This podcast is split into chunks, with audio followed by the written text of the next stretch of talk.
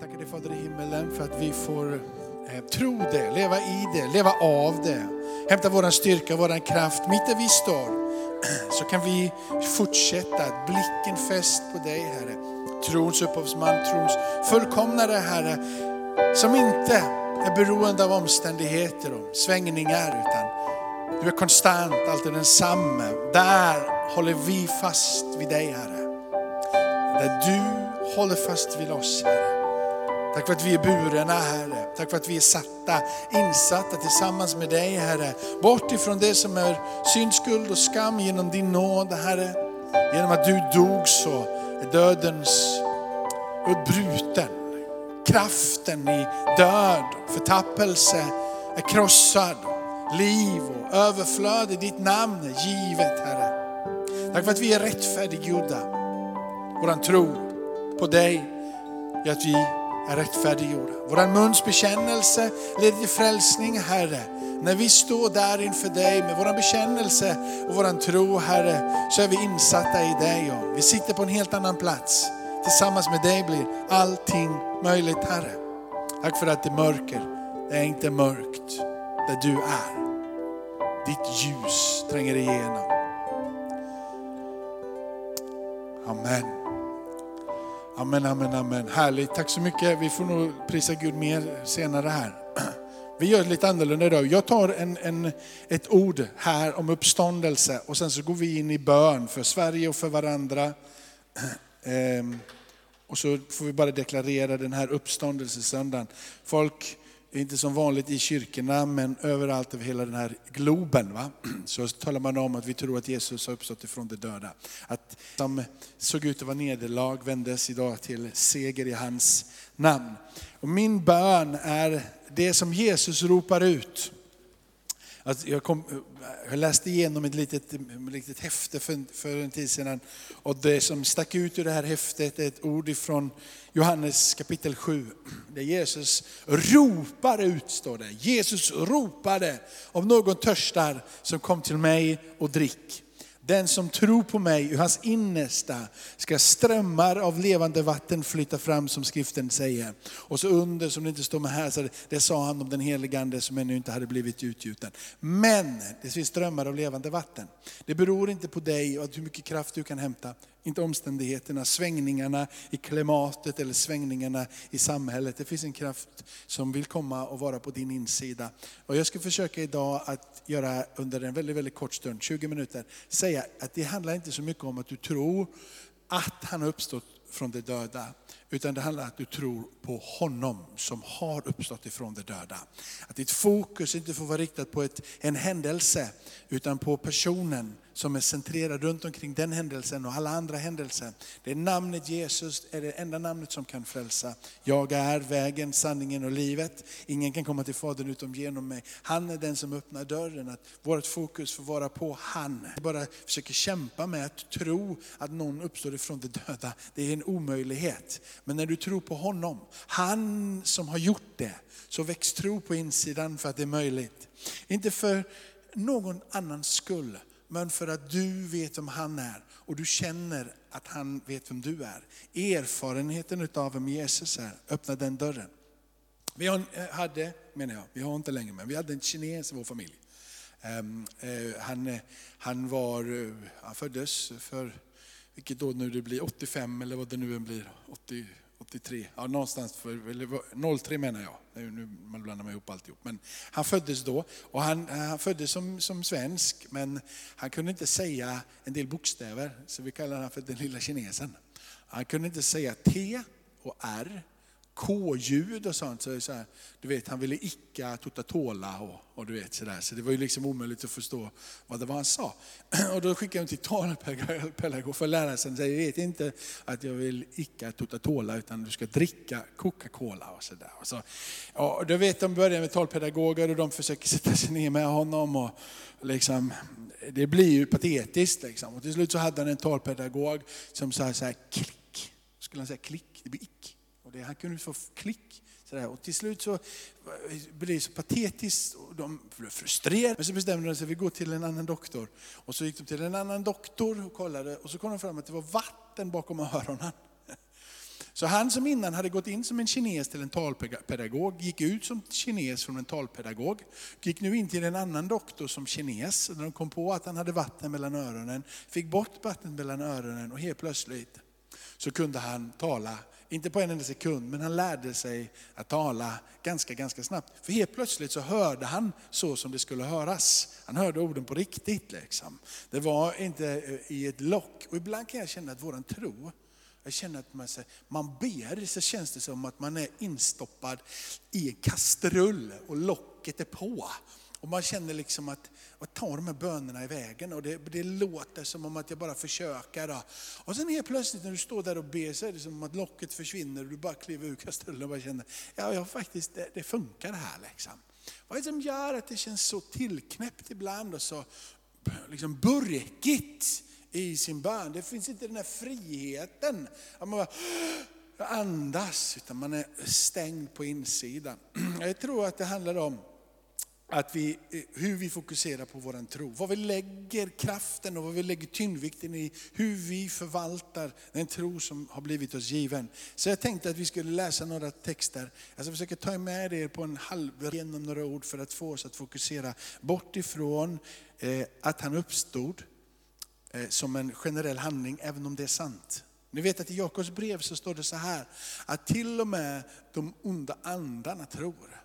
Det finns en sanning som blir predikad i till och med kyrka efter kyrka. En sanning som sägs på tv och eh, sanning som proklameras ut, men det blir inte livsförvandlande. De säger att påsken är till för de kristna och de kristna celebrerar påsken. Och de talar om att han har uppstått ifrån de döda och de tror det. Och det talas ut.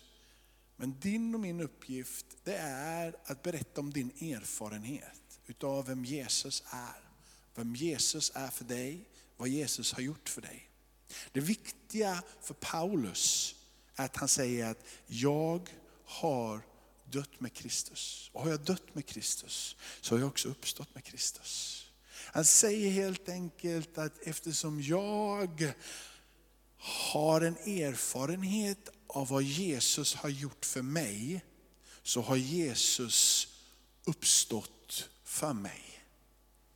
Han är ett med Kristus. Han är inte Kristus långt borta för Paulus. För Paulus är Kristus nära i honom, med honom. Den kraften som verkade när Paulus eh, uppstod från de döda, säger Paulus, verkar i mig. Han sätter inte sin tilltro till att han uppstod han sätter sin tilltro till han som uppstod. Han lägger sitt fokus på personen Jesus. Jesus säger själv, jag är uppståndelsen och livet. Den som tror på mig ska leva om han än dör. Kraften finns inte i det tomma korset eller den tomma graven. Kraften finns i personen Jesus. Din förståelse om han, vem han är. Tänk på att vi kunde få idag komma in som kineser och inte gå ut härifrån som kineser. Utan gå härifrån. Och det som har varit vattnet bakom ditt och mitt öra, dina och mina försök att imitera vem Kristus är, helt plötsligt förvandlas till att bli ett med Kristus. Känna honom, erfarenheten utav vem han är. Kraften från hans uppståndelse är inte långt borta, utan dig nära. Närmare än hans andedräkt. Va? Så här, vi läser ifrån Matteus. Eh, Benjamin läser från Lukas, läser från Matteus och sen så går vi in i första Korinthierbrevet kapitel 15. Efter sabbaten i gryningen, den första veckodagen, gick Maria Magdalena och Maria för att se på graven. Eh, då blev det en kraftig jordbävning, för en Herrens ängel kom ner från himmelen. Han gick fram och rullade bort stenen och satte sig på den. Hans gestalt var som blixt och hans kläder var vita som snö. Vakterna skakade av skräck för honom och blev som döda. Men ängeln sade till kvinnorna, var inte rädda. Jag vet att ni söker Jesus, den korsfäste. Han är inte här, han har uppstått som han har sagt. Kom och se platsen där han låg. Och då genast och gå genast och säg till hans lärjung att han har uppstått ifrån de döda. Se, han går före er till Galileen. Där ska ni få se honom. Nu har jag sagt er det. Jag skyndade då genast iväg ifrån graven. Med bävan och stor glädje sprang det för att berätta det för lärjungarna lärjungarna. Plötsligt mötte Jesus dem och hälsade. De kom fram, höll, föll om, eller höll om hans fötter och tillbad honom. Då sade Jesus till dem, var inte rädda, gå och säg till mina bröder att de ska gå till Galileen, där ska de få se mig. Han har uppstått ifrån de döda, men kraften ligger inte bara att han har uppstått ifrån de döda. Kraften som träffar Paulus och de andra lärjungarna ligger i det personliga mötet med honom. När de träffar honom så tror de på hans uppståndelse från de döda. När de möter med honom så får allting som Jesus har gjort här i det här livet en mening, det får en betydelse, det får sin kraft. Så här står det från första Korinthierbrevet kapitel 15, från vers 1 ner till vers 8 först. Bröder, jag vill påminna er om evangeliet som jag predikar och som ni tog emot och som ni står fasta i. Genom evangeliet blir ni frälsta om ni håller fast vid ordet som jag förkunnar. Annars var det ingen mening med att ni kom till tro. Jag förde vidare till er det allra viktigaste. Och jag själv har tagit emot. Att Kristus dog för våra synder enligt skriften. Att han blev begravd att han uppstod på tredje dagen enligt skrifterna och att han visade sig för Kefas och sedan för de tolv. Därefter visade han sig för mer än 500 bröder på samma gång. De flesta av dem lever än, även om några har insomnat. Sedan så visade han sig för Jakob och därefter för alla apostlarna. Allra sist så visade han sig också för mig som ett ofullgånget foster. Vidare så står det, från vers 12 till vers 20. Men om det nu predikat att Kristus har uppstått från de döda, hur kan då några bland er säga att det inte finns någon uppståndelse från de döda? Om det inte finns någon uppståndelse från de döda har inte heller Kristus uppstått. Men om Kristus inte har uppstått, då är våran predikan meningslös och även er tro meningslös. Då står vi där som falska vittnen om Gud, eftersom vi har vittnat om Gud att han uppväckt Kristus som man ju inte har uppväckt ifall det verkligen är så att döda inte uppstår. För om döda inte uppstår har inte heller Kristus uppstått. Men om Kristus har uppstått, då är er tro meningslös. Och ni är fortfarande kvar i era synder. Och i så fall är det som insomnat i Kristus förlorade. Om det bara är för detta liv vi har vårt hopp i Kristus, då är vi de ömkligaste av alla människor. Men nu har Kristus verkligen uppstått ifrån de döda som förstlingen av de insomnade. Så här står det vidare från vers 53 till vers 57. Detta förgängliga måste kläs i oförgänglighet och detta odödliga kläds i odödlighet. Men det förgängliga är klätt i oförgänglighet och det dödliga kläds i odödlighet. Då uppfylls de orden som står skrivet, döden är uppslukad i seger. Du död, vad är din seger? Du död, vad är din udd? Dödens udd är synden och syndens makt kommer av lagen. Men Gud var det tack som ger oss seger genom vår Herre Jesus Kristus. Han var alltså tvungen att dö. Han var tvungen att uppstå. Han var tvungen att krossa döden. Men din och min kraft ligger i mötet med honom. När Jesus är det som är centrum, så väcks det här till liv på din och min insida. Då blir det som är omöjligt möjligt. Då blir det som ser ut som mörker inte totalt nattsvart. Det som på en känsla på insidan kan upplevas som bottenlöst är inte längre bottenlöst. Men när du kämpar med att tro det här som är helt omöjligt att tro på, om inte det är så att du har vittnesbördet och erfarenheten om vem Jesus är.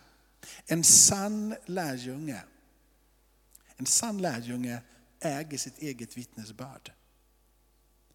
Han har mött någonting. En sann lärjunge är inte en lärjunge som bara imiterar vad någon annan säger eller vad någon annan gör. Paulus, han strider emot hela kyrkan innan han får erfarenheten av vem Jesus är. Vi är sanna vittnen för att vi har mött med honom. Det finns en offentlig tro, den tron som är generell. Det är sant, men det frälser inte. Han har uppstått. Men när du tror på han som har uppstått, så har han uppstått för dig personligen. Där går ett skifte precis där, när det är han som blir centrum för din tro och inte bara att han har uppstått ifrån de döda. När han är din, så är det ett vittnes, ett vittne som är kallad för att vittna om vad den må vara.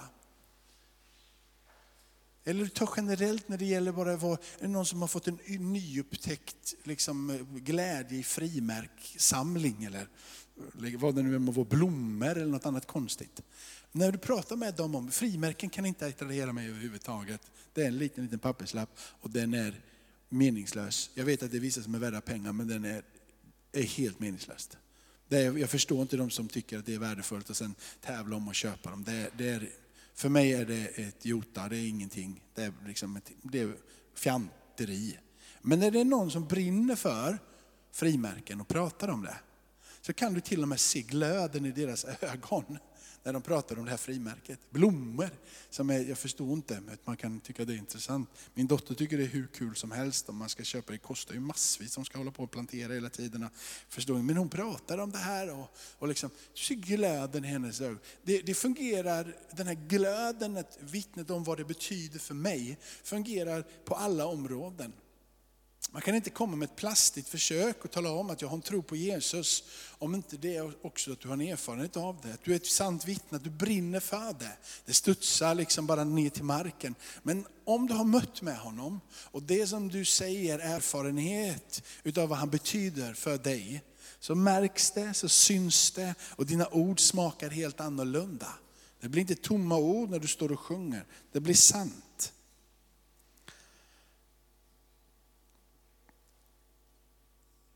Det som förändrar en människa är inte att Jesus dog på korset och uppstod ifrån de döda. Det som förändrar en människa är när man möter med han. När frälsaren får stiga in i ditt och mitt liv. Den eller han som uppstod står där och du får känna vid hans hål och röra vid hans sida. När du möter med dem personligen det är då som du går ifrån mörker till ljus. Det är då du går ifrån död till liv. Det är då hemligheten med att ta emot hans ande landar på din insida. Du väcks. Jesus är uppståndelsen och livet. Innan han har uppstått. Jag är uppståndelsen och livet. Den som tror på mig ska leva om han än dör. Han deklarerade innan han har dött, innan han har uppstått, innan anden har fallit. Så säger han, kom till mig ni som dricker. Om ni är törstiga. Och när ni dricker av det jag ger, så får ni en källa på insidan. Det kommer att flöda på er insida. Han deklarerar vem han är innan det har skett. Jesus är det som är avgörande. När du ropar på det namnet, han som har uppstått. I berättelsen här, som vi läste både i Lukas här, så har Jesus uppstått ifrån de döda. Och bara att han har uppstått förändrade ingenting. Det är därför så många människor kan gå här utanför som ingenting har hänt. Han har uppstått, det är en sanning. Han har uppstått, de onda andarna vet om det. Men det blir inte livsavgörande och livsförvandlande förrän mötet med Jesus är där. Det är han som är vägen in till Fadern. När våran bekännelse är där, när bekännelsen om vem Jesus är för dig, då är tron där. Och när tron är där så ser du då vågar du hoppas när allt hopp är ute. Vi blir inte längre några som tror på hörsägner eller berättelser långt borta. Du blir ett vittne om vem Jesus är och vad han betyder för dig.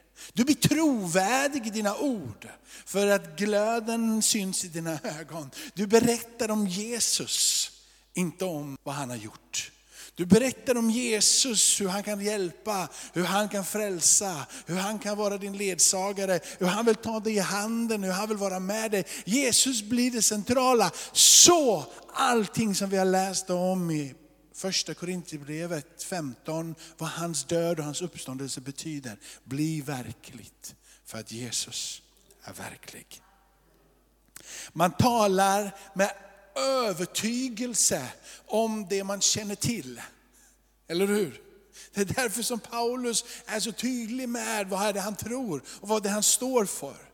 För han har en erfarenhet av det och när han har en erfarenhet av det så pratar man om en övertygelse. Man svajar lite om man inte vet vad man pratar om. Det är bara en del predikanter som tror att de, de liksom pratar med sån övertygelse så även om de säger något som är fel så tror folk ändå.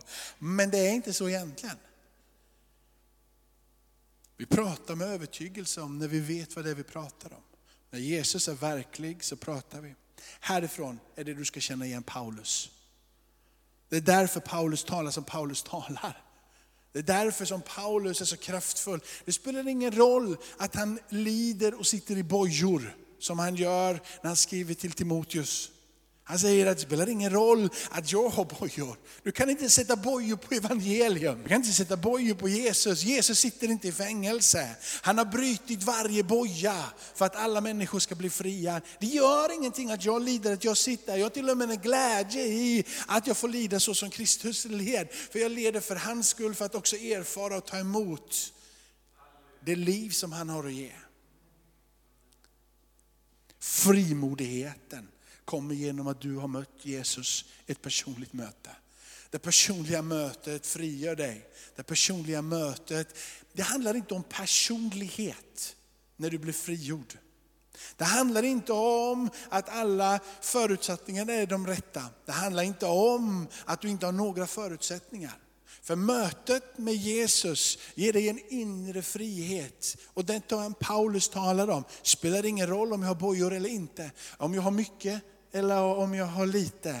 Jag har en frihet på min insida som övergår allt förstånd. Ifrån den platsen är det jag talar. Min övertygelse är att det han har gjort för mig, det vill han också göra för dig. Jag kan tala om vad det ligger i. Hans död är din befrielse. Hans uppståndelse är ditt förhärligande. Så som han är förhärligad blir du förhärligad. Där ligger det. Möt med mig, träffa med mig. Jag har redan gjort det. Du behöver inte göra någonting. Kraften är redan där. Korsfästelsen, när han dör, sker öppet. Det sker så att alla hör talas om det. Det sker utanför Jerusalems portar, alla är inbjudna. Han dör och alla vet om det. När han uppstår så blir det lite mer hemligt. När de eh, rullas bort stenen där av ängen i en berättelse. I en annan berättelse så är det liksom bara borta. Och så det är lite olika här. Men när de kommer dit så får de inte se hur Jesus bara uppstår, utan han är inte där. Det är som att när han uppstår så gör han det lite mer i skymundan. För att han vill möta med dig. Han vill vara uppstånden för dig. Han dog för alla Men när han uppstår, han behöver inte dö igen eller? Han dog för alla synder en gång för alla. För den som tar emot honom, för den som inte tar emot honom. En gång för alla dog han för alla synder, för alla tider. Men när han uppstår, så vill han uppstå för dig personligt. När han uppstår så är det dig han möter. Så det är dig han pratar med. Det är, han blir uppstånden för dig. Han har uppstånden i Paulus. Därför Paulus. Paulus säger så här, tre minuter kvar. Allt som var en vinst för mig räknar jag nu som en förlust för Kristus skull. För att lära känna Kristus och kraften ifrån hans uppståndelse och dela hans lidande. Han uppmanar att låt ditt hjärtas ögon öppnas. Jag ber att det ska komma en uppenbarelse över er. Jag ber om insikt. Jag ber ifrån Efesierbrevet att hjärtan ska upplysas så att ni förstår hur oerhört stor makt han, hans makt i oss är som tror. Hans makt är kraft. Den verkar i den här stunden. Hans makt, står det, är oerhörd i oss. Det är en väldig kraft som är verksam. I Romarbrevet ser han ett uttryck för att den ande som uppväckte Jesus ifrån de döda, den ande är verksam i oss den här stunden. Han talar att det här ska leva genom anden. Genom mötet med mig så kan du få de här strömmarna på din insida där allting blir möjligt. Han säger att den här världens ande och den här världens makter har ingenting och kan inte röra dig. Johannes skriver i sitt brev att han som är i oss är större än han som är i världen. Det Gud har lagt i dig och mig genom Jesus, mötet med honom, gör att du blir frimodig. Det gör att du vågar tala med en övertygelse. Om du fortfarande vacklar, ropa på namnet Jesus. Försök inte tro att han uppstod. Ropa på namnet Jesus. Jesus kommer dig nära och han förklarar för dig vem han är och vilken makt han har. Paulus säger, för det här målet kämpar jag. Och jag kämpar i hans kraft, för den verkar mäktigt i mig. Paulus säger, allt förmår jag i honom som ger mig kraft. Paulus åberopar inte det tomma korset eller den tomma graven. Paulus åberopar namnet Jesus. Alltså i det namnet och bara i honom så har jag kraft. Han förstår att han var tvungen att dö, han förstår att han var tvungen att uppstå ifrån de döda. Men han åberopar namnet. Han riktar sig mötet med honom, erfarenheten av vem han är. Paulus har en tydlig bild av att hans Gud är stor. Han är hebre, född hebre. Han vet vem den osynlige levande guden är. Han vet vem som har makten i hela, från evighet till evighet. Men när han möter med Jesus så får han en övertygelse om att den kraften som verkade i Paulus, eller Jesus när han uppstod, den kraften den verkar. Han ropar på namnet Jesus. Därför så ska vi gå in i bön och ropa på det namnet. Så att du och jag får erfara mer av den kraften. Men det namnet kan förändra Sverige och världen.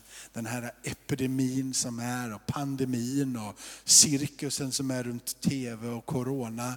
Att vi får bara ropa på det namnet som kan ge frid som övergår allt förstånd. Att vi kan fortsätta vara sunda i våra tankar och ta hänsyn till alla och vara hemma om du är smittad. Men vi kan ändå ropa till han som har all makt, att han får stiga in och bryta sönder den här förvirrade tiden.